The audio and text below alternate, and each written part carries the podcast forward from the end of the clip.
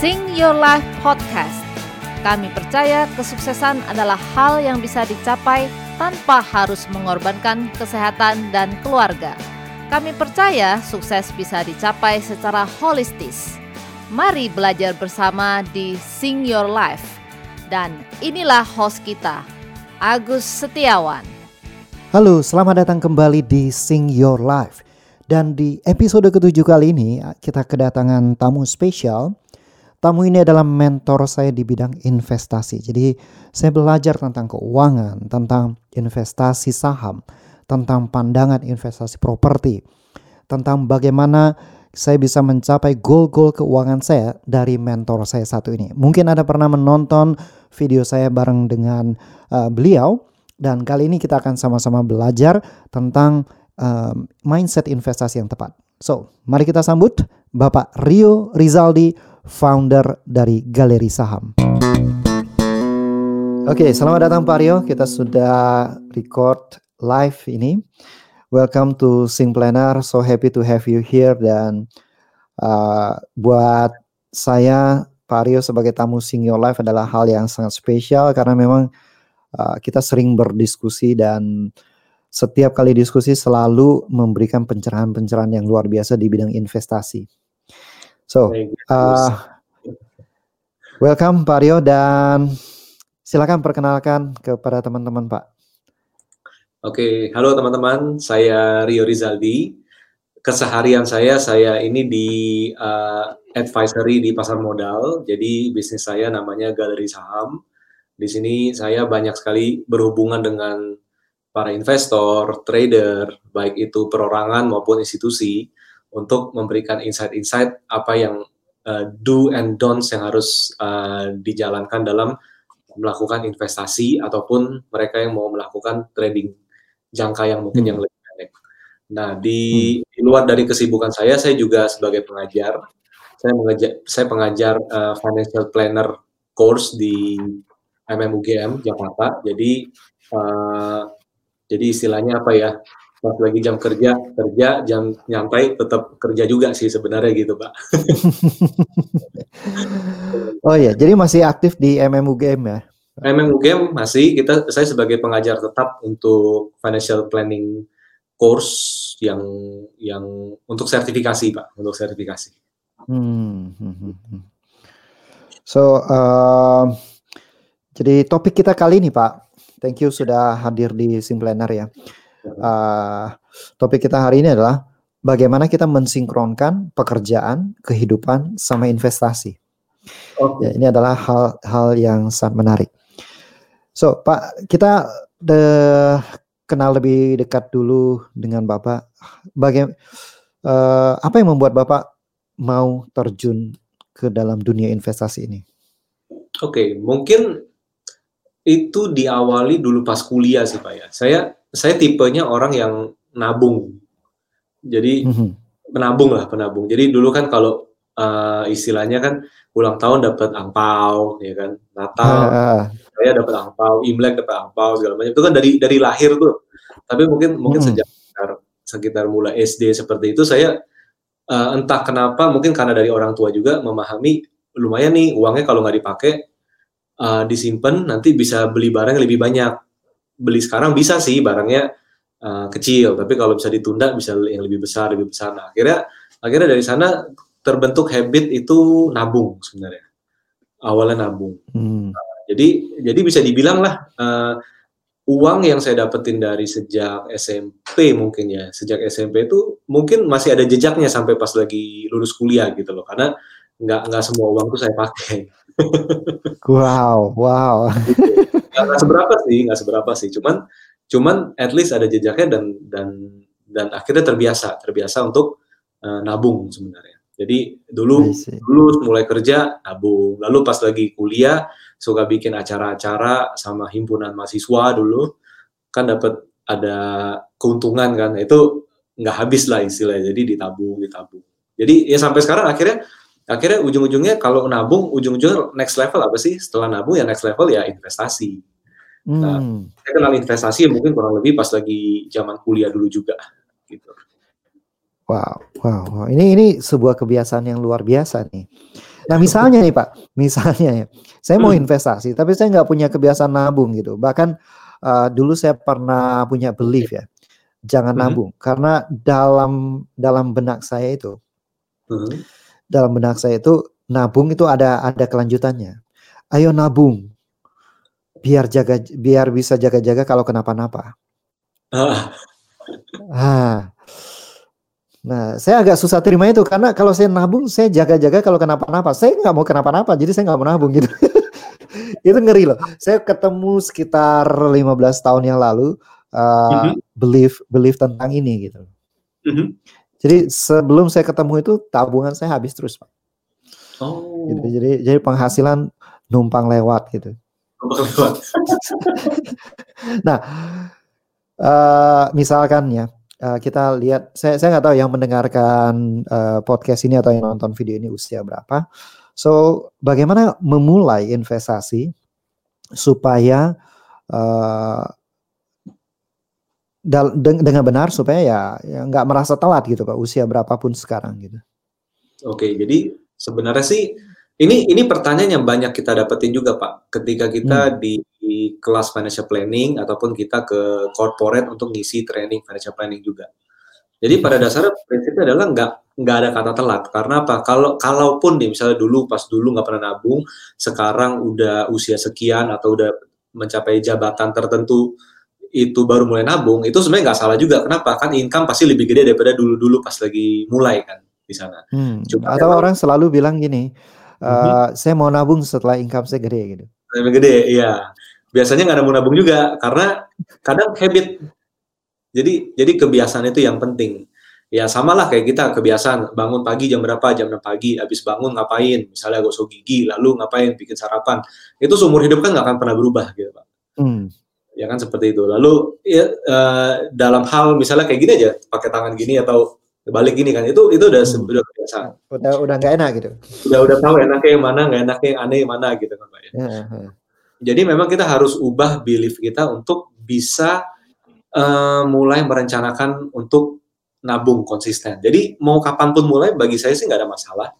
Karena Hmm. kalau mau mulai terlalu awal, misalnya terlalu awal maksudnya pasti dari sekolah, yang itu bagus juga. Kenapa itu habit? Nanti ketika kerja income meningkat ya dia udah punya kebiasaan nabung. Tapi kalau yang baru mau mulai nabung sekarang, ya nggak salah juga. Kenapa? Pasti saya yakin income udah lebih tinggi dari dulu-dulu pas mereka kalau mulai dulu. Nah, Hmm. artinya Pak tabungan bisa lebih banyak intinya tinggal konsistensi sebenarnya gitu Pak dan yang paling penting sebenarnya kita nabung itu bukan karena kita mau beli barang sebenarnya kalau bagi saya dulu motifnya kayak gitu dulu motifnya saya mau nabung mau beli barang. Dulu dulu dulu pas masih SMP gitu ya saya mau nabung yang banyak biar bisa beli mobil bagus misalnya gitu. Oh. Saya pikir Bapak bilang mau beli mainan apa gitu. Soalnya bagus wah mau beli mobil bagus nanti siapa tahu nabung gitu kan. Totonya nggak nggak nggak dapat dapat. Kenapa? Harga mobilnya naik terus. Ah iya iya iya. jauh gitu naik terus. Tapi Hmm. akhirnya apa? Akhirnya kita punya tabungan pak kadang-kadang seperti itu. Jadi pengen ngebeli sesuatu yang agak mahal ujung-ujungnya nggak dapet sih tapi Hmm. tabungan kita jadi banyak gitu. Nah, Hmm. jadi yang yang paling penting kita lakukan tuh sebenarnya eh, mikirnya adalah mungkin untuk nabung itu kita harus bayangkan masa depan sebenarnya. Jadi saya hidup hari ini saya kerja hari ini saya dapat penghasilan hari ini tapi nanti eh, besok gimana masa depan gimana? Eh, kalau di financial planning ujung-ujungnya apa? Kalau ketika pensiun kita penghasilan dari mana gitu nah itu itu Hmm. bagi saya dewasa ini itu yang jadi motivasi saya untuk tetap nabung gitu pak tetap nabung Mhm. Mhm. jadi Karena mungkin kita depan. bisa. Sorry sorry. nah, jadi menabung untuk masa depan istilahnya gitu Hmm. Ya, untuk masa depan yang lebih baik ya, bukan untuk jaga-jaga kalau masa depan kenapa-kenapa. ya. ya itu itu itu mungkin aja, tapi ya uh, tergantung beliefnya kita sih. ya Jadi begitu saya melepaskan belief tentang itu ya tabungan saya meningkat terus gitu. jadi jadi berubah mindset ya pak ya Iya, itu benar-benar uh, penghasilan sebesar apa pun, saya dapat bonus besar dari perusahaan, itu numpang lewat doang gitu, loh. iya iya luar biasa. untung untung Ha- untung udah nggak gitu pak Hanya karena satu kalimat itu, itu benar-benar mengerikan. Nah, Pak, bagaimana kita kembali ke judul utama ya. Bagaimana caranya kita mensinkronkan pekerjaan, kehidupan sama investasi. Saya lihat kalau saya lihat gaya hidupnya Bapak itu amazing banget ya. Uh, selalu punya waktu untuk keluarga, uh, spend time dan dalam waktu dekat ini mau liburan lagi kan. dan dan amazingnya adalah uh, mengenal Bapak sekian tahun, uh, orang yang punya uh, apa ya portofolio investasi yang begitu luar biasa. Um, sempat saya tanyakan, uh, saya saya sempat cerita sama kakak saya, uh, Gus kamu investasi apa? Oh saya belajar sama Pario, saya investasi di saham untuk untuk mendapatkan dividen dan lain-lain. Oh seperti apa? Dia, dia saya cerita cerita cerita. Emang itu bagus ya? Hmm, yang ngajar saya sih begini Pak. Eko, saya bilang. Pak lagi. saya bilang, uh, saya pernah tanya dia, kalau misalkan sekarang udah nggak usah kerja, mengandalkan dari dividen saham aja, bisa nggak pensiun? Oh ya, kalau saya menurunkan gaya hidup saya jadi 70% sekarang sih bisa aja gitu. Wah, dia terinspirasi banget gitu kan. Tapi akhirnya dia tetap investasi di tempat lain. uh, semua videonya Pak Bapak saya kasih. Dan da, dengan dengan portofolio seperti ini dan gaya hidup Bapak yang yang luar biasa juga bisa mena, apa ya? Tetap bisa sederhana. Mungkin ya salah satunya dari dari kecil udah terbiasa menabung gitu ya. Nabung. Nah, Bagaimana caranya Bapak menjalankan ini? Bagaimana caranya men eh, mensinkronkan pekerjaan, bisnis, uh, keluarga, dan investasi? Hmm, jadi sebenarnya apa ya? Kalau bicara pekerjaan dulu, jadi sebenarnya kita harus ngelakuin apa yang kita suka dulu sih, Pak. Hmm. Jadi ngelakuin apa yang kita suka bukan karena terpaksa. Akhirnya kita pasti ide itu keluar terus kan. Kalau kata apa ya? Kata Steve Jobs ya, kalau if you do something you like you never work for the rest of your life kan istilah kayak gitu kan pak hmm. jadi kalau kita memang bekerja sesuai dengan passion nah itu itu pasti ide sebenarnya mengalir karena dulu pengalaman pertama itu saya lulus kuliah saya kerja bukan di bidang yang saya sukai jadi saya hanya ngelihat brand saya hanya ngelihat nama company gitu jadi hmm. sepanjang dari kuliah itu kan udah mengenal pasar modal nih udah mengenal saham nah ketika lulus yang di benak kita semua apa sih cari perusahaan yang bagus, yang besar, multinasional, brand luar negeri dan dan pokoknya glamor istilahnya gitu kan. Saya pernah masuk ke perusahaan seperti itu. Bisa hmm. saya bilang itu perusahaannya sangat bagus. Mungkin saya bisa bilang hingga sekarang saya bisa bilang manajemen di perusahaan itu sangat wah itu jadi panutan banget. Tapi saya nggak suka. Akhirnya hanya bertahan kalau nggak salah tuh nggak sampai 10 bulan pak. 10 bulan hmm. akhirnya saya give up. Saya give up wah ini nggak bisa nih kayak gini kerjaan kayak gini nggak bisa. Pokoknya pokoknya bulan Februari saya harus resign. Saya nggak mau tahu ada kerja nggak ada kerja saya harus resign. Istilah kayak gitu. Saking wow. saking saking nggak bisanya gitu.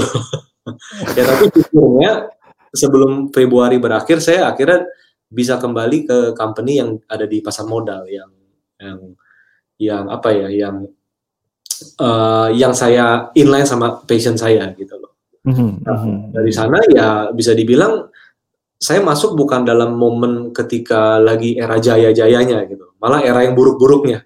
Tapi seperti sekarang. Seperti sekarang nggak juga sih, dulu lebih parah sih sebenarnya. Zaman hmm. dulu waktu itu tahun 2007, 2008, 2008. Itu itu lagi benar-benar parahnya. Semua teman-teman yang saya saya baru masuk ruangan, semua muka mereka tuh mukanya udah kayak zombie semua. udah kayak zombie semua. Lalu libur long weekend itu rasanya tuh sakit kepala semua, nyut-nyutan karena libur Indonesia lebih banyak dari libur luar negeri, jadi libur tuh nggak pernah nyaman gitu kan.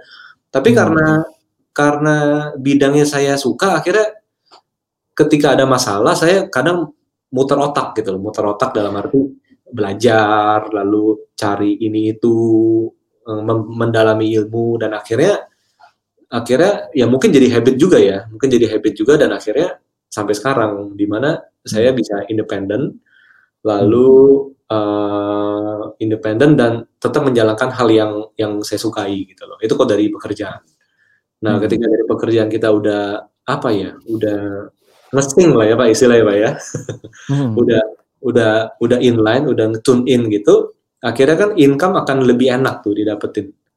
Income bisa di bisa kita bisa putar otak gitu loh untuk untuk meningkatkan uh, kapasitas diri kita, lalu bisa ningkatin kemampuan kita dan akhirnya income bisa jadi lebih besar. Nah, ketika income udah meningkat ya habit menabung itu menjadi penyelamat. Maksudnya hmm. apa? Jadi income makin besar, kita nabung juga bisa makin besar. Karena apa? Karena biaya hidup kita rata, tapi income kita membesar, jadi disposable income kita jadi makin tinggi. Nah itu itu kadang yang jadi jadi apa ya? Jadi lumbung padi kita di sana. Hmm. Gitu. Hmm. Nah ya ujung-ujungnya sih pak ya, ujung-ujungnya kalau kita punya keuangan yang sehat, yang baik, mindset yang baik terhadap income, nggak nggak nggak nggak apa-apa mikir income income income kapan saya gajian misalnya seperti itu hmm. ya ujung-ujungnya kita punya kehidupan pribadi kehidupan sosial yang saya yakin sehat juga gitu pak Ya, ya, ya. Karena memang uang bukan segala-galanya, tapi semua aspek kehidupan itu butuh uang untuk bisa butuh muter. Uang ya. juga. Kalau uang itu kita sampai bikin kita pusing, maka uh, suami istri juga bisa nggak selaras gitu. Bisa nggak selaras juga. Karena karena hmm. yang namanya pacaran kan dulu lagi nggak mikirin uang. Ketika udah mikirin uang, ini bayar tagihan ini gimana, bayar kontrakan misalnya gimana, bayar cicilan ini gimana, itu kan itu udah different story about relationship gitu loh pak. Betul, betul, betul. Kadang di sana. Nah, uh, jadi bapak mulai investasi kapan dan dan kalau misalkan untuk mulai apa tipsnya pak? Uh, saya personally kalau nabung udah dari dulu banget dari sekolah. Tapi kalau hmm. benar-benar mulai invest itu mungkin tahun tahun 2010. Ketika tahun oh, baru 10 tahun. Uh, 2010 ya. Nah, tapi investasi hmm. itu saya bukan di saham nih. Dulu, zaman dulu tuh hmm. bukan di saham. Saya di properti, di di apartemen gitu. Nah, hmm. udah beli apartemennya uh, nyicil sih waktu itu kan memang. Nah, itu dia Pak tabungan dari zaman dulu tuh ternyata berguna untuk apa? Untuk nge-DP. ya ya, untuk mulai DP ya. Iya, dengan DP. DP. Untuk ke DP, lalu beli, nah itu disewain, sempat tinggal di sana berapa tahun, 4 tahun, lalu sekarang hmm. sampai sekarang disewain juga. Jadi kalau bicara pertama kali investasi, investasi saya mulai itu dari uh, tahun 2010. Tapi kalau mau hmm. coba-coba hmm. investasi ya dari sejak kuliah saya belajar reksadana, uh, saham dan lain sebagainya.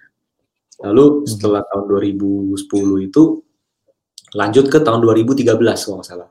2013 baru saya mulai investasi itu di saham, saham company, saham saham sebuah perusahaan. Ketika itu banking. Gitu. Nah hmm. dari sana uh, berlanjut sampai sekarang sih pak. Berarti baru sekitar tujuh tahun ya? Kurang lebih ya sekitar tujuh tahun kalau di pasar modal. Hmm. Dan tujuh tahun aja udah memperlihatkan hasil yang luar biasa gitu pak. Hmm, bagi saya iya, karena dalam tujuh tahun kan semua berkembang pak. Hmm. Dalam tujuh tahun terakhir, istilahnya jalanan macetnya ngedobel, lebih dari ngedobel. Artinya kan ekonomi makin tinggi gitu kan.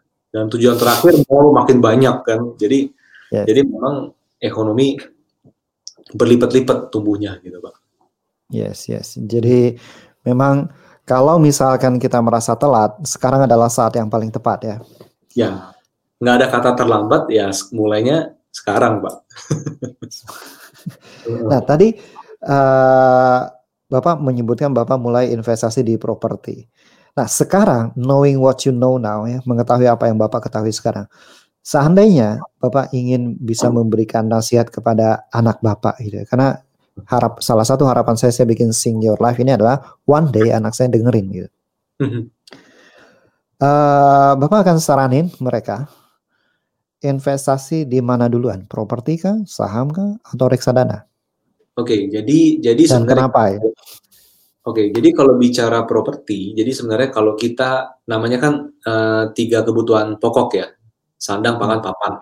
Artinya memang kalau properti itu dibeli untuk tempat tinggal sendiri, maka usahakanlah beli uh, properti dulu. Karena ya istilahnya apa ya, kemandirian gitu loh. Jadi jadi hidup di bawah atap sendiri itu uh, itu akan kita nggak akan terpengaruh dengan kanan kiri misalnya itu. Maksudnya di atap sendiri pun juga bukan berarti harus punya. Maksudnya orang ngekos hmm. pun juga nggak ada masalah gitu loh. Karena apa? Karena hmm. hidup di atap sendiri. Pada dasarnya seperti itu. Tapi kalau pilihannya adalah mau punya maka itu tidak di tidak salah. Maksudnya itu tepat gitu.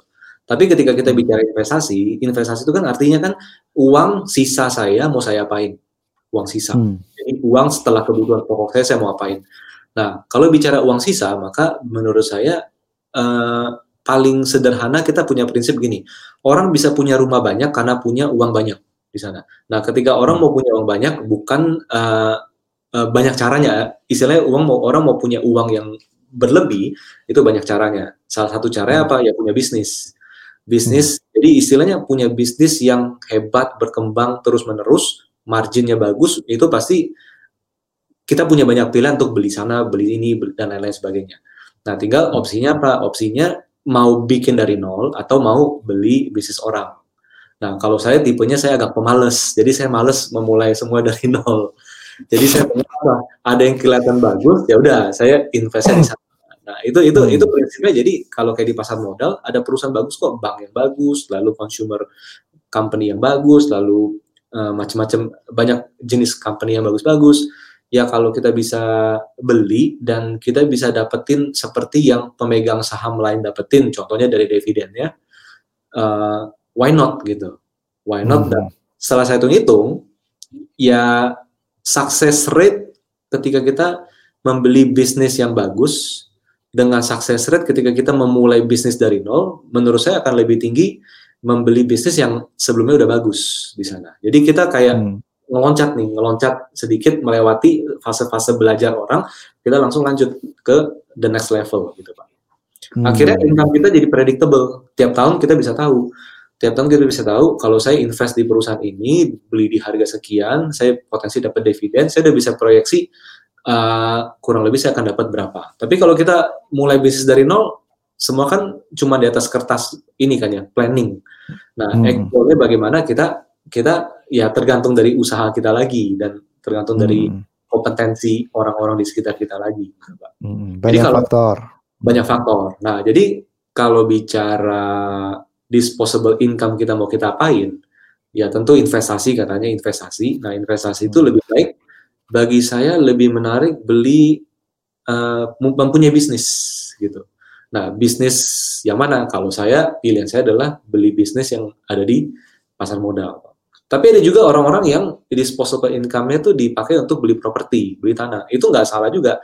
Yang penting apa? Yang penting beli di harga bagus saja di sana. Mhm. Nah, bedanya apa? Kalau di properti, kalau mau cari harga bagus, kadang kita harus surveinya kan ke banyak tempat gitu kan. Tapi yes, kalau di cari modal, 100 properti dulu. Kenapa Pak? Cari 100 properti dulu. 100 properti dapat berapa? Dapat 10, lalu yang ini satu ya? Tiga, satu. nah, kalau pasar modal kadang plus minus juga. Kalau marketnya lagi bagus, mau cari di mana pun nggak akan ada yang murah juga gitu. Nah, Harga jadi, seragam kan semuanya. Seragam harganya. Jadi nggak ada tiba-tiba orang jual murah itu nggak ada gitu loh. Jadi hmm. memang semua plus minus. Tapi pada dasarnya uh, ketika investasi, ya bagi saya pak ya, bagi saya itu yang paling bagus adalah investasi di bisnis yang udah sukses atau kok nggak properti pun saya setuju bahwa itu investasi yang sangat bagus. Asal dua-duanya itu dapat di harga yang bagus gitu. Hmm. Hmm. Hmm. Gitu, nah, Pak. Uh, tadi sempat mengatakan investasi itu disposable income, tapi uh, harusnya disposable income atau sisihkan di awal dulu? Karena biasanya kalau disposable kan bayar ini, bayar ini, bayar ini, bayar ini, nggak ada lagi. sebenarnya sebenarnya disposable income tuh maksudnya lebih ke perhitungannya aja sih Pak. Jadi kita dapat income nih misalnya 10. Nah, 10 kita udah tahu nih biaya hidup kita nih misalnya 5 gitu. Artinya kan sisa 5. Nah, dari, sisa 5 akhirnya kita kita kedepanin, Pak. Kita kedepanin. Oke, dari 5 artinya 3 harus saya simpan. Lalu 5 untuk biaya hidup bulanan. Dua itu nanti untuk apa? Untuk biaya berjaga-jaga kah, untuk sedekah lah, untuk dan lain sebagainya. Jadi memang itu part of disposable income tapi nanti untuk budgetingnya ditaruh di awal Ditaruh di awal. Taruh di awal. Mhm, mhm, mhm. Jadi misalnya nih, uh, siapa pun yang mau mulai investasi sekarang, kadang kalau kita bilang, oke okay, uh, Pak, saya udah kadung nih, nggak nggak banyak nabung selama ini misalkan. Hmm. Jadi kalau mau investasi properti um, juga itu butuh waktu yang panjang, butuh modal yang besar gitu kan. Nah saham ini saya bisa mulai dengan modal berapa dan prefer mana Pak, investasi atau trading? Okay, Ini pertanyaan bertubi-tubi kayaknya. Bertubi-tubi ya. Jadi sebenarnya kalau pasar modal tuh murah banget sih Pak. Jadi orang buka rekening 100 ribu juga udah bisa. Lalu kayak beli saham-saham perusahaan bagus. Saya di sini nggak sebut merek lah ya. Maksudnya kita beli perusahaan hmm. oke. Okay. Well, harga 3000 kita cuma dengan harga per lembar 3000 kita cukup punya dana 300 ribu udah bisa beli gitu loh. Nah, hmm kalau properti 300 ribu nggak akan ada cicilan properti 300 ribu kan gitu pak. Hmm. ribu ada yang ada 3 juta gitu. Nah jadi jadi apa ya? Jadi uh, benefitnya tuh sangat besar. Jadi istilahnya kalau kita uangnya belum seberapa, nah investasi di saham di perusahaannya bagus itu sangat recommended gitu. Nah hmm. Kalau bicara invest atau trading, sebenarnya kalau kita mikirnya masa depan, maka kita invest. Tapi kalau kita hmm. mikir jangka pendek, kita lebih ke trading. Trading. Hmm. Karena result itu yang saya lihat investasi akan jauh lebih menguntungkan dalam jangka panjang tanpa menyita waktu dibandingkan trading. Apalagi tradingnya yang beli pagi jual sore, beli pagi jual sore gitu, itu itu itu nggak recommended. Itu mendingan mm -hmm. itu mendingan dagang di Mangga Dua jadi beli barang pagi jual ini kalau nggak di pasar gitu kan beli di subuh jual nanti pagi-pagi ya, itu itu lebih masuk akal tapi ketika kita hmm. bicara saham itu itu nggak relevan jadi di hmm. saham itu entah kita beli untuk disimpan hmm. dalam jangka waktu periode mungkin uh, dalam waktu ya sepanjang harga naiknya atau kalau hmm. kita beli dan tambah tiap bulan untuk nikmat nikmatin dividennya passive income-nya dan itu bicara investasi gitu pak Yes, yes, yes. Hmm. Jadi, Jadi lebih baik jangka panjang karena kita nggak pernah tahu kalau kita sibuk kita nggak mantau masa uh, kita nggak punya kan gitu kan. Jadi lebih baik hmm. lebih baik uh, view jangka panjang karena bagaimanapun juga pak yang punya properti pun juga yang orang yang kaya dari properti pun juga orang yang nyimpan lama juga pak. Hmm. Dulu rumah 100 juta sekarang harganya 10 m itu kan karena dia nyimpan lama juga sepanjang hmm. lama dia juga dapat sewa mungkin contohnya sewa rentalnya esensi sama persis gitu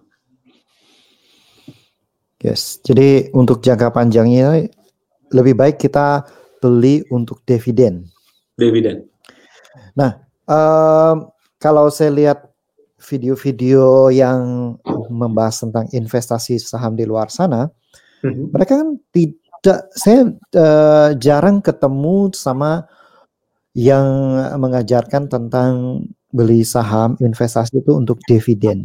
Jadi mostly mereka lihat value investing. Oh ini value perusahaan ini lagi uh, diskon murah banget.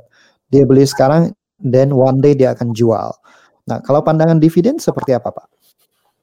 Uh, jadi kalau dividen itu sebenarnya passive income. Jadi saya bisa bilang uh, saya lebih menyarankan dividen kenapa? Karena saya juga uh, praktisi financial planning. Nah, hmm. ketika bicara financial planning, masalah yang muncul itu jauh dari yang ada di benak orang. Maksudnya gimana? Maksudnya orang bayangkan gini lah umur 55 itu kan pensiun. Hidup pakai hmm. apa? Apakah hidup pakai hidup pakai tabungan? Butuh tabungan berapa? Ketika umur 55 hmm meninggal nih umur 75 itu kan 20 tahun tuh 20 hmm. tahun itu arti 20 tahun kali 12 bulan artinya itu berapa tuh 20 20 240 bulan 240 bulan lalu biaya hidup berapa sebulan misalnya 240 bulan biaya hidup 10 juta itu saya rasa nggak hmm. cukup nantinya nggak akan cukup hmm. let's say 20 juta Se uh, pasangan suami istri 240 juta butuh uang berapa butuh uang 4,8 M mungkin tabungan.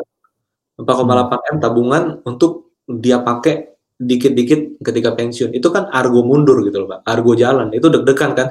Ini habisnya kecepatan atau kelambanan gitu kan. kan kayak gitu tuh. Kayak kita naik taksi ya, naik taksi Silverbird. Ini naik mulu, ini naik mulu, naik mulu, naik mulu gitu kan. Nah, kalau ini turun mulu dari dari seribu jadi tinggal nol itu gimana rasanya kan? Itu kan nggak enak. Nah, kita punya kans untuk apa? Kita nggak perlu punya uang 4,8 M, tapi mungkin kita cuma punya butuh uang, let's say misalnya ya, misalnya hmm, 20 juta kali 12, 240 juta, 240 juta, misal dibagi 2, 40 bagi 6 persen. Uh, let's say kita cuma butuh misalnya 4 M, misalnya 4 M ini kita kumpulkan, tapi 4 M itu nggak berkurang-kurang, tetap aja hmm. 4 M, tapi dia bertelur hmm. terus Malah 4M hmm. itu bisa jadi naik karena harga yang meningkat, meningkat, meningkat kayak rumah, kayak properti. Nah, hmm. jadi hidup kita damai, nggak ngitung hmm. argo mundur, Pak. Nah, yang jadi beda apa? Yang jadi beda adalah kalau semua orang nunggu ketika pensiun punya 4M, baru invest, sama orang yang udah mulai sekarang, nanti ketika pensiun jadi punya 4M dari investasi, uh, harga rata-rata beli dia istilahnya apa ya uh, tingkat return dia untuk orang yang mulai duluan itu jauh lebih tinggi daripada orang yang mulai nanti pas pensiun gitu. Mulai pas pensiun mm-hmm. nah, itulah kenapa nabung saham investasi saham berkala itu bagi saya sangat penting karena karena bisa jadi 4M yang kita punya ketika umur 55 itu hanya dengan modal mungkin satu setengah miliar doang yang kita kumpulin sampai pensiun gitu loh Oh, artinya kalau kita mulai duluan, hmm. kalau kita mulai duluan, sebenarnya kita cukup mengumpulkan sekitar satu setengah sampai 2 m, tapi pada saat pensiun nilainya 4 m. Iya. Tapi kalau Bisa. kita kumpulinnya itu uh, mikirin pensiun baru ngumpulin 4 m itu benar-benar 4 m yang harus kita kumpulin. Benar-benar 4 m dan bisa jadi dividennya nggak akan sebagus yang kita mulai duluan. Hmm, karena, karena harganya beda. Hmm, karena secara lembar uh, kepemilikannya juga beda gitu loh pak di sana. Hmm. Dan hmm. dan bagi saya mustahil kita punya tabungan 4 m ketika pensiun kalau dari sekarang nggak pernah nabung istilah gitu mustahil hmm. di sana hmm. Hmm. kayak gitu. Nah sekarang kita bicara let's say um, kita akan investasi selama 20 tahun ke depan. Hmm. Langkah pertama, kalau Bapak mau mengulang uh, karir Bapak di investasi. Mm-hmm. Baik itu properti maupun saham, yang penting investasi nih. Mm-hmm. Bapak mulai lagi dari awal dengan pengetahuan yang Bapak punya sekarang. Mm-hmm. Bapak kan masuk ke saham atau properti? Uh, jadi gini Pak, kalau kalau hitung-hitungan uang pasti saham dulu. Hmm. Pasti saham dulu. Jadi ketika tahun 2010, tahun 2010 saya nge-DP apartemen, nyicil apartemen, itu hitung-hitungannya kalau saya di saham mungkin itu udah harganya nilai itu udah mungkin tiga kali lipat lebih dari harga, harga properti saat Kurang ini saat ini di sana tapi karena berpikir bahwa saya butuh tempat tinggal butuh atap di mana uh, apa namanya cari tempat uh, rumah yang dekat dengan karir dengan profesi akhirnya akhirnya mau nggak mau uh, ini dulu apa properti dulu. dulu hmm. Hmm. tapi kelebihan pendapatan yang dulu saya pernah yang saya milik yang saya dapatkan yang dulu akhirnya coba beli properti lain nah itu akan lebih baik kalau kita disahamkan istilahnya gitu di di pasar saham hmm. di sana hmm. Jadi secara hitung-hitungan udah pasti udah pasti itu uh, di pasar modal sebenarnya. Pasar modal yang menang. Sebenarnya kayak gitu pasar modal. Baik baik uh, value yang meningkat maupun secara dividen. Dividen meningkat. Nah, kalau hmm. properti uh, namanya properti ya pak ya. Jadi jadi kita lihat tahun 2010 apartemen berapa banyak sih di Jakarta kan nggak banyak kan. Lalu buku hmm. berapa banyak sih di Jakarta nggak banyak. Tapi sekarang coba dilihat di sana bikin apartemen, situ bikin apartemen, sono bikin apartemen, dan akhirnya kan oversupply. Nah oversupply yeah. itu kan apartemen kita miliki sekarang itu jadi jadi ketinggalan zaman itu yang pertama. Kedua, hmm. kalau lokasinya tanggung, orang akan pindah ke yang baru-baru. Oh, ini baru itu lagi banting harga, lagi banting harga, lagi disewain. Nah, itu itu jadi hmm. jadi kelemahan dari properti menurut saya di sana. Tapi kalau memang ada investasi di lokasi yang benar-benar orang udah gak ada pilih, memang itu yang hmm. oke, okay, nah itu why not gitu. Jadi jadi tetap aja mau saham mau properti kita harus pilih-pilih di mana yang kita harus investasi gitu pak. Hmm. Kalau misalnya misalnya mau investasi saham, kriteria apa yang saya harus pilih? Jadi kalau mau invest saham sih sebenarnya prinsipnya adalah bisnis apa yang sampai kita pensiun masih ada sebenarnya gitu pak. Bisnis apa yang sampai pensiun masih ada dan bisnisnya masih beroperasi makin masih ada. Nah dan apa ya dan manajemennya jelas. Nah, itulah yang yang jadi andalan kita. Jadi yang pertama arti bicara bisnis model. Jangan sampai kita investasi di perusahaan yang uh, teknologi yang bakal jadi cikal bakal masa depan. Ya mungkin jadi cikal bakal, tapi kan belum tentu. Atau mm -hmm. sempat jadi cikal bakal dan sukses di masa depan, tapi hanya umurnya lima tahun karena teknologi kan berubah begitu cepat gitu pak. Jadi kita harus hmm. cari bisnis modelnya tuh solid sampai kita mati lah istilahnya gitu. Nah, Artinya kita nggak akan pernah menjualnya? Nggak pernah. Karena apa? Dividen. Hmm. Jadi anytime kita punya pendapatan ya anytime itu juga kita menambah posisi. Jadi jadi nambah investasi itu kayak kita nyicil rumah aja. Tiap bulan kan hmm. kan harus bayar cicilan. Hmm, hmm. Ya kan? Nah, di investasi mana pun menurut saya ya tiap bulan harus ditambah. Karena nah, saya ada teman kayak gini, Pak. Saya ada teman dia itu investasi di reksadana reksadana ya atau emas gitu. Jadi dulu dia beli dengan harga eh, 500 ribu pas bulan hmm. itu. Dia baru baru mulai kerja 500 ribu. Tapi 500 ribu itu nggak ditambah-tambah pak. Nggak okay. ditambah 500 ribu itu jadi lima juta. Menarik kan pak hmm. 10 kali hmm. lipat. Oh 10 kali lipat. Untung berapa? Untungnya eh, sepuluh kali lipat. Wih keren banget. Berapa jadinya? Cuma lima juta. Jadi nggak relevan. Hmm. Iya, nah, iya, iya, iya. Kita harus nambah gitu. Kadang hmm. orang kan mau investasi, udah deh pokoknya saya punya uang lima juta, gimana cara jadi dua kali lipat? Dua kali lipat tuh kan cuma untuk kebutuhan sekarang. Tapi kalau hmm. bicara masa depan, itu sama sekali nggak cukup. Kita harus maraton gitu, harus harus nabung terus di sana. Investasi itu maraton. Investasi itu maraton. saya pernah uh, salah satu topik yang sangat hot tentang rumah, Pak. Kita bisa cari di mana-mana uh, pertanyaan-pertanyaan ini. Bahkan mentor keuangan saya di uh, Ramit Seti juga ngomong tentang itu. Pak, kalau menurut Bapak bagaimana? Untuk properti, beli atau sewa? Oke, okay. kalau menurut saya hitung dulu. Kalau Bapak nih punya uang 2M, misalnya nih ya, punya 2M, 2 miliar, dia bisa ngasih return sebulan 8%. Nah, sorry, uh, dia masih bisa kasih return setahun 8%. Nah, setahun 8%, arti kan dari 2M dapat 160 juta. 160 juta, misalnya kita bisa ngontrak rumah dengan setahun hanya, let's say rumah 2, 2M deh, rumah 2M juga, itu hmm. rental rate-nya itu mungkin sekitar uang sewa mungkin satu setengah sampai dua persen. Artinya let's say satu setengah persen, artinya kan 2M 30 juta. 30 juta. 20 juta. Jadi kalau bicara hitung-hitungan, mendingan investasi ada return untuk sewa rumah. Kalau kita bicara uh, angka gitu, Pak. Hmm. Bicara. Hmm.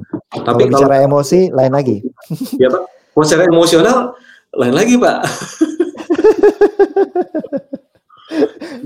ya ya kita kita bicara angka kita bicara angka kita bicara kalau investasi lebih baik seperti itu kita punya uang misalnya nih misalnya kasarnya nih kita dapat warisan dapat warisan dari orang tua 2M 2M mau diapain nih hmm. mau beli rumah karena saya mau tinggal sendiri misalnya atau mau investasi di let's say di pasar modal yang bisnisnya ya kayak tadi bayar bisnis modal bagus, manajemen bagus dan memang dia perusahaan menguntungkan yang ngasih setahun itu passive income itu plus minus lah, nggak nggak selalu sama, let's say 6% atau 8%. Maka hitungannya lebih secara di, di atas kertas lebih baik invest di sana, pendapatan tahunan dari dividen untuk bayar sewa.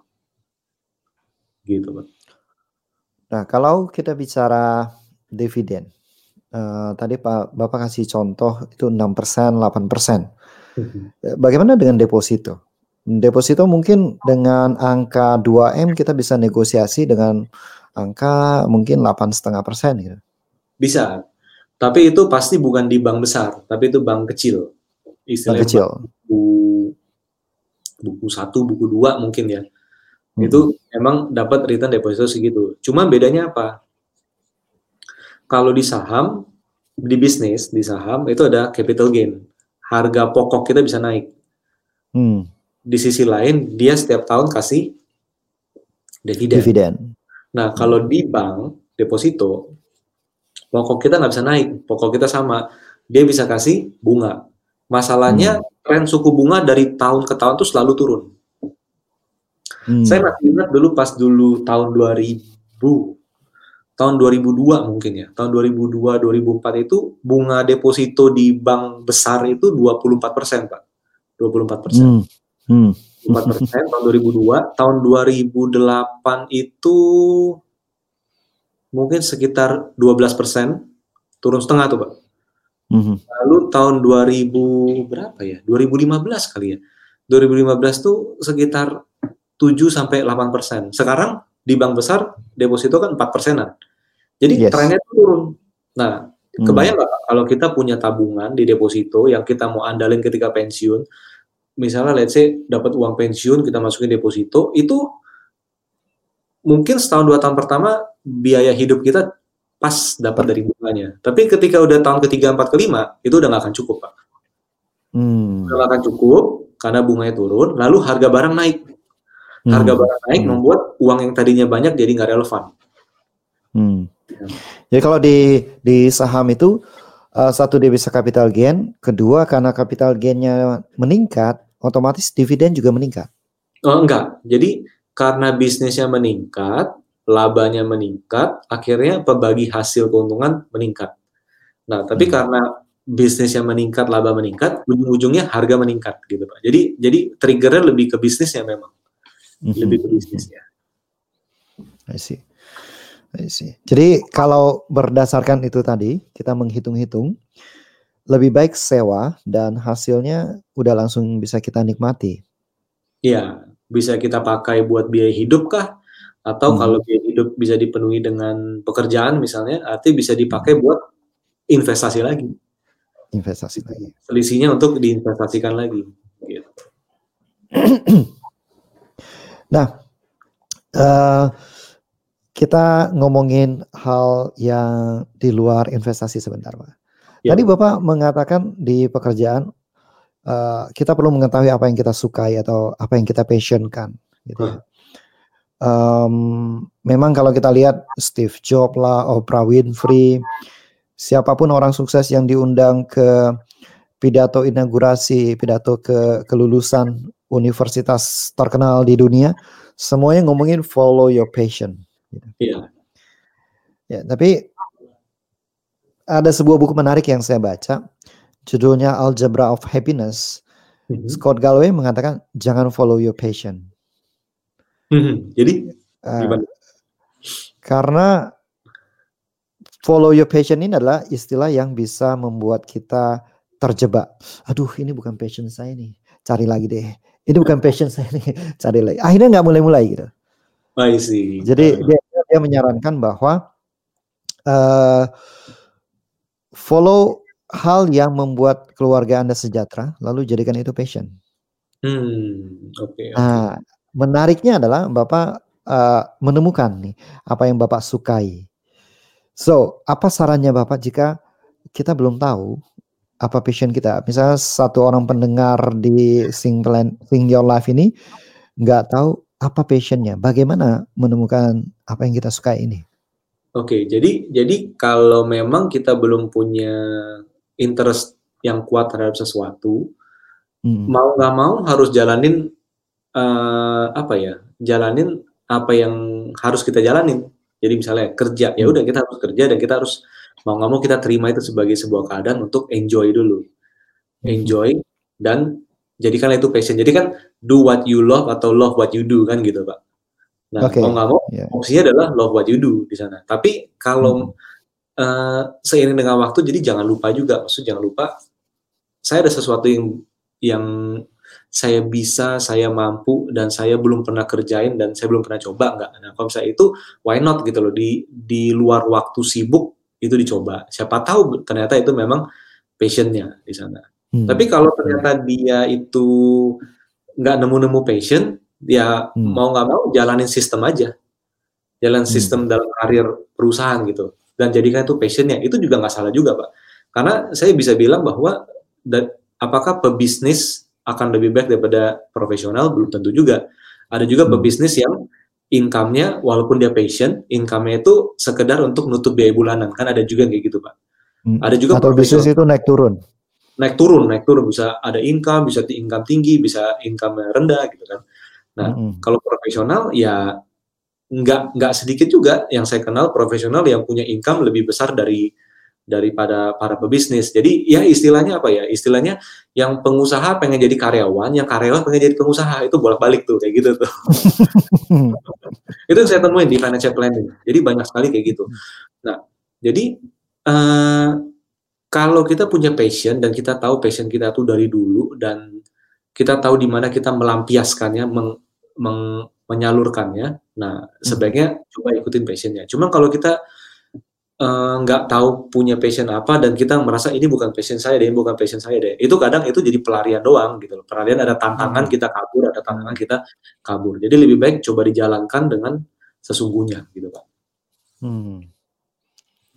Hal apa yang paling ditakutkan orang kalau mau mulai investasi, Pak?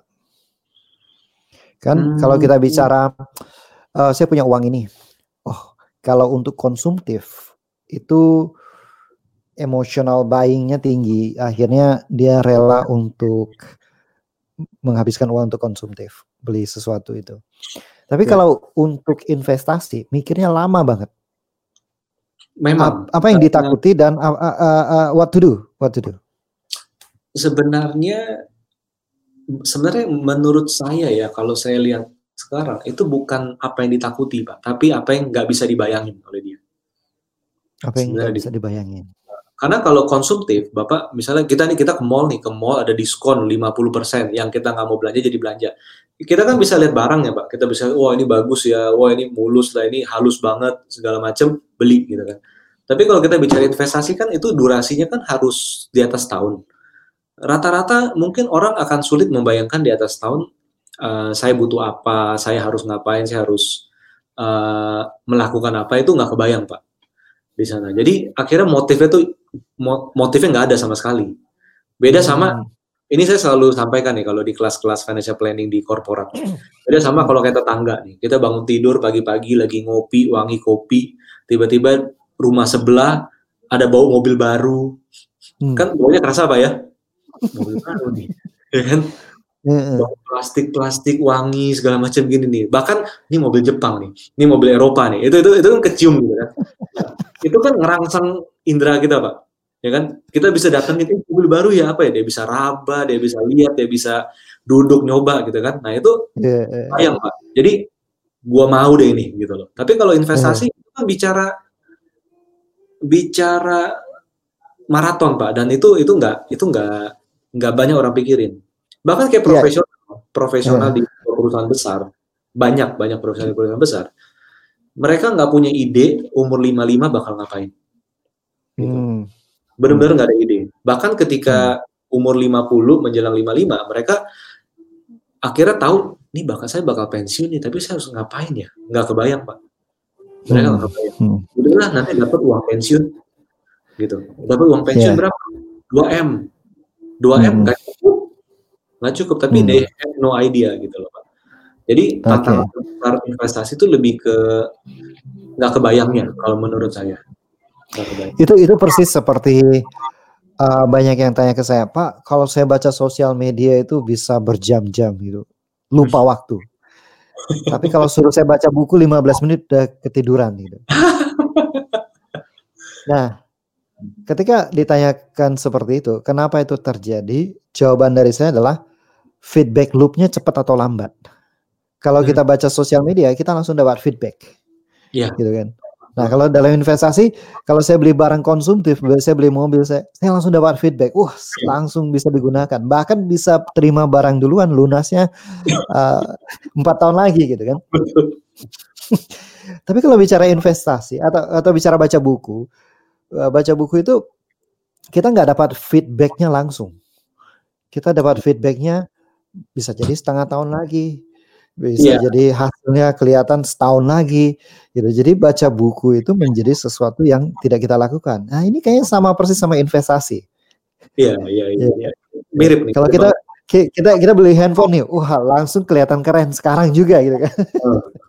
Betul. Kalau kita investasi 10 juta sekarang ke handphone, kita langsung uh, bisa bisa terasa keren sekarang. Kalau kita investasi 10 juta, kita terasa kerennya 10 tahun lagi. Betul, Pak. Iya kan? Itu itu itu yang membuat memang memang itu itu bisa jadi inline tuh, Pak. Itu jadi masalah yang mirip sebenarnya. Mirip hmm, banget. Hmm, hmm. hmm. Gitu. Karena loopnya. Akhirnya, akhirnya apa? Akhirnya ya seperti kenalan saya itu dia dia mau mulai invest tapi mulai dengan 500 ribu ya setinggi tinggi 500 ribu kali 10 kali lipat pun juga cuma 5 juta gitu Pak. Karena hmm. nggak kebayang. Padahal coba kalau tiap bulan dia beli itu 500 ribu. Level dia pasti level bisa beli 500 ribu tiap bulan gitu Dan udah jalan hmm. 10 tahun misalnya. Ya itu hmm. bukan 5 juta endingnya gitu Pak. Mungkin udah ratusan juta punya. Gitu ya. Jadi kita bisa mulai angka berapapun. Angka berapapun sih menurut saya. Karena hmm ya kita jangan neko-neko lah maksudnya kita dapat gaji misalnya ya kita dapat gaji sebulan 10 juta kita neko-neko saya mau nabung sebulan 5 juta jadi 10 juta nggak cukup ya nggak bisa itu bukan level dia gitu level dia hmm. adalah kalau gaji 10 juta ya maksimum 20 maksimum 2 juta gitu loh per bulan nabung atau mungkin sejuta jadi mulai dari apa yang ada dulu aja bisa hmm. Hmm. kan selalu orang mengatakan oh, kalau gue mulai dari apa yang saya punya sekarang nih nggak berasa nih. Nggak berasa, iya sih. Tapi ini adalah faktor kebiasaan sih. Tapi faktor kebiasaan karena dia lupa dengan compoundingnya. Tiap bulan kalau dibeli terus gimana? Mereka mungkin hmm. yang mikir saya mau punya uang banyak, lalu saya beli sekaligus langsung kaya. Nah kan kan itu jadi masalah gitu. Hmm. Padahal untuk orang yang tiap bulan nyicil beli, nah itu tuh powerful banget lebih powerful dan hidup lebih damai karena nggak hmm. kerasa. Hmm. Orang nggak kerasa gitu pak. Saya punya dua pertanyaan lagi pak. Gimana? Pertanyaan yang pertama, apa pandangan bapak tentang kesuksesan dan perjuangan? Oke, okay, jadi apa belief bapak tentang hal ini? Bicara sukses dan perjuangan, saya rasa itu hal yang nggak bisa dipisahin pak. Hmm. Karena perjuangan akan menentukan kesuksesan kita Hmm. Jadi selama kita berjuang dengan smart di wadah yang tepat di tempat yang tepat, maka saya yakin sih kesuksesan pasti akan datang dengan sendirinya. Gitu. Hmm. Istilahnya apa ya? Hasil tidak akan mengkhianati Oh ya, usaha tidak akan mengkhianati hasil. Atau gitu nah, deh, bolak-balik gitu ya. Hmm. nah, uh, tapi bagaimana jika orang sampai di, di, di Sing Your Life ini kan kita yakin bahwa ya hasil usaha yang kita uh, sukses yang kita capai itu tanpa harus mengorbankan sampai mengorbankan aspek kehidupan yang lain.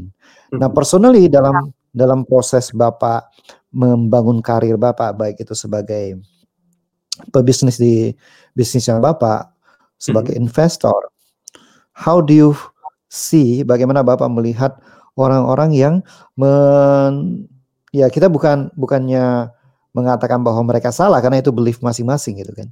Bagaimana Bapak melihat perjuangan itu dalam kehidupan Bapak? Nilai-nilai apa yang paling penting yang merupakan urutan ya kenapa Bapak melakukan inilah? Kenapa hmm. milihnya investasi nggak kerja keras seperti misalkan ya apa ya? Kalau dia suka nggak apa-apa juga sih. So, bagaimana uh, value seperti apa yang membuat Bapak sampai memilih investasi, memilih hal yang Bapak lakukan saat ini gitu? Oke, jadi jadi kalau bicara investasi, tentu kita harus kerja keras sebenarnya di sana. Uh, karena kalau kita nggak kerja keras, kita nggak menghasilkan, maka kita tidak bisa memulai investasi tersebut dengan lebih maksimal gitu, Pak. Cuman hmm. masalahnya adalah kerja seperti apa yang kita harus lakukan. Nah, di sini tadi di awal saya bilang kan kerjalah sesuatu yang memang ada interest yang besar di industrinya atau di pekerjaannya seperti itu. Nah, hmm. menurut saya ketika kita udah inline nih Pak antara kita dengan pekerjaan kita, lalu hmm. kita inline antara kita dengan masa depan kita. Nah, hmm. saya yakin uh, tiap hari segala yang kita lakukan itu pasti akan di apa ya di jalur yang relatif nggak akan melenceng terlalu jauh gitu pak. Karena kita kita udah menjalankan apa yang kita suka dan kita menjalankan sesuai dengan uh, tujuan masa depan kita ya kita nggak akan tiba-tiba jadi boros habis uang atau kita nggak tiba-tiba mengerjakan sesuatu yang sangat tidak kita suka gitu. Dan akhirnya kembali lagi juga sih ke hubungan sosial uh, hubungan keluarga ya akan ada habitnya gitu loh. Habitnya maksudnya apa? Habit bahwa kita nggak berpikir panjang ke depan juga gitu pak. Hmm. Panjang ke depan. Hmm. Jadi, Jadi selalu berpikir. Pada dasarnya saya nggak punya perencanaan apa-apa dengan dengan hubungan dengan orang, hubungan dengan keluarga, hubungan apa. Pada dasarnya saya nggak punya saya nggak punya bayangan ideal harus seperti apa. Cuman ketika udah dalam sebuah keluarga, hmm, kita jalankan kebiasaan kita, tentunya kan udah terbentuk dengan baik, dan kita juga harus ngerti dengan uh, pasangan kita kah atau anak kita kah, bahwa mereka pun punya interest yang mungkin akan berbeda, ya tinggal diimbangin aja sebenarnya gitu. Hmm. Jadi tidak ada pemaksaan hmm. lah istilah gitu. Betul, betul, betul, betul, betul. Tinggal diimbangi ya. Imbangi. Nah, saran Bapak untuk pendengar Sing Your Life supaya mereka bisa mulai berinvestasi. Quick win apa yang bisa mereka lakukan yang sederhana yang bisa langsung mereka mulai sekarang dan menjadikan mereka uh, investor. Oke, okay, jadi mungkin sangat banyak aspek yang bisa kita dekati sebenarnya. Jadi setiap orang akan berbeda. Cuma bagi saya simpelnya adalah coba teman-teman pendengar bayangkan usia sekarang berapa, lalu pensiun umur berapa, lalu dipanggil yang di atas umur berapa. Jadi pensiun umur 55, dipanggil di atas umur 75 sampai 80, artinya kan 20 sampai 30 tahun lagi nih. 20 sampai 25 hmm. sampai 30 tahun lagi. Nah, coba bayangkan apa jadinya kalau kita tidak mempersiapkan hidup kita setelah umur 55, kita akan hidup bergantung sama siapa? Apakah sama anak kita, apakah sama adik atau kakak kita, atau sama orang tua kita. Jelas orang tua kita tentu udah nggak ada gitu. Nah, hmm, yang harus kita hmm. ingat apa? Yang kita harus ingat adalah kalau nanti pensiun kita mengandalkan anak kita, kita nggak akan adil. Karena apa? Karena dulu saya ketika kecil saya bisa minta mainan ke orang tua saya. Tapi ketika saya udah tua, saya mengandalkan anak. Nanti cucu kita ketika mau minta mainan, mamanya akan mikir, saya nggak bisa kasih karena saya harus nanggung bapak ayah, hmm. kakekmu, hmm. nenekmu. Akhirnya apa? Kita jadi orang yang paling egois yang ada di bumi ini, istilah kayak gitu. Hmm, kita dapat dari orang tua, dapat juga dari anak gitu. Karena hmm. cuma mikirin sendiri. Uh, sedangkan cucu nggak bisa dapat maksimal dari ayahnya. Kenapa? Ayahnya nanggung saya, istilah gitu.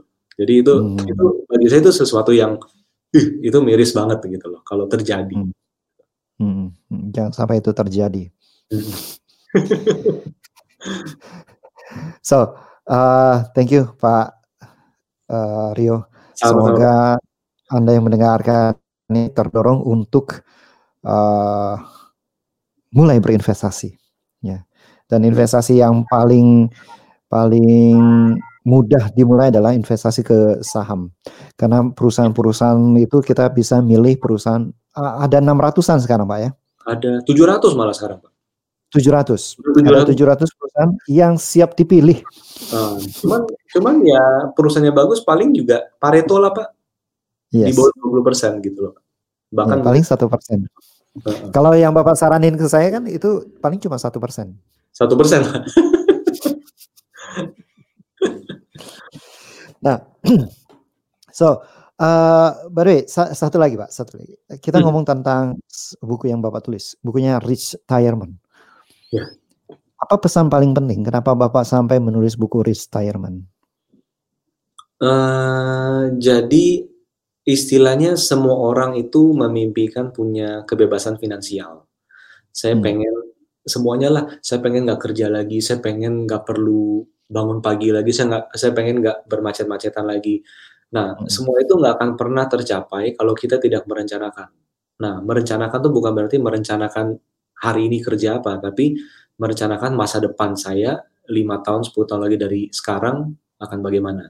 Dan bicara masa depan, maka kita bicara bahwa uh, semua itu butuh perencanaan dan uang. Time is money, hmm. gitu loh. Kita bicara hmm. waktu nanti lima tahun lagi ya time is money. Kita bicara hmm. masa lalu ya time is money juga. Jadi pada dasarnya dengan kita merencanakan keuangan dengan baik, maka kita bisa mencapai uh, apa yang kita inginkan dengan lebih pasti tingkat kepastiannya dan lebih cepat daripada orang-orang yang tidak merencanakan sama sekali, Pak. Hmm. So, in the end kita benar-benar akan retire dengan rich gitu ya. Yes. Oke, okay.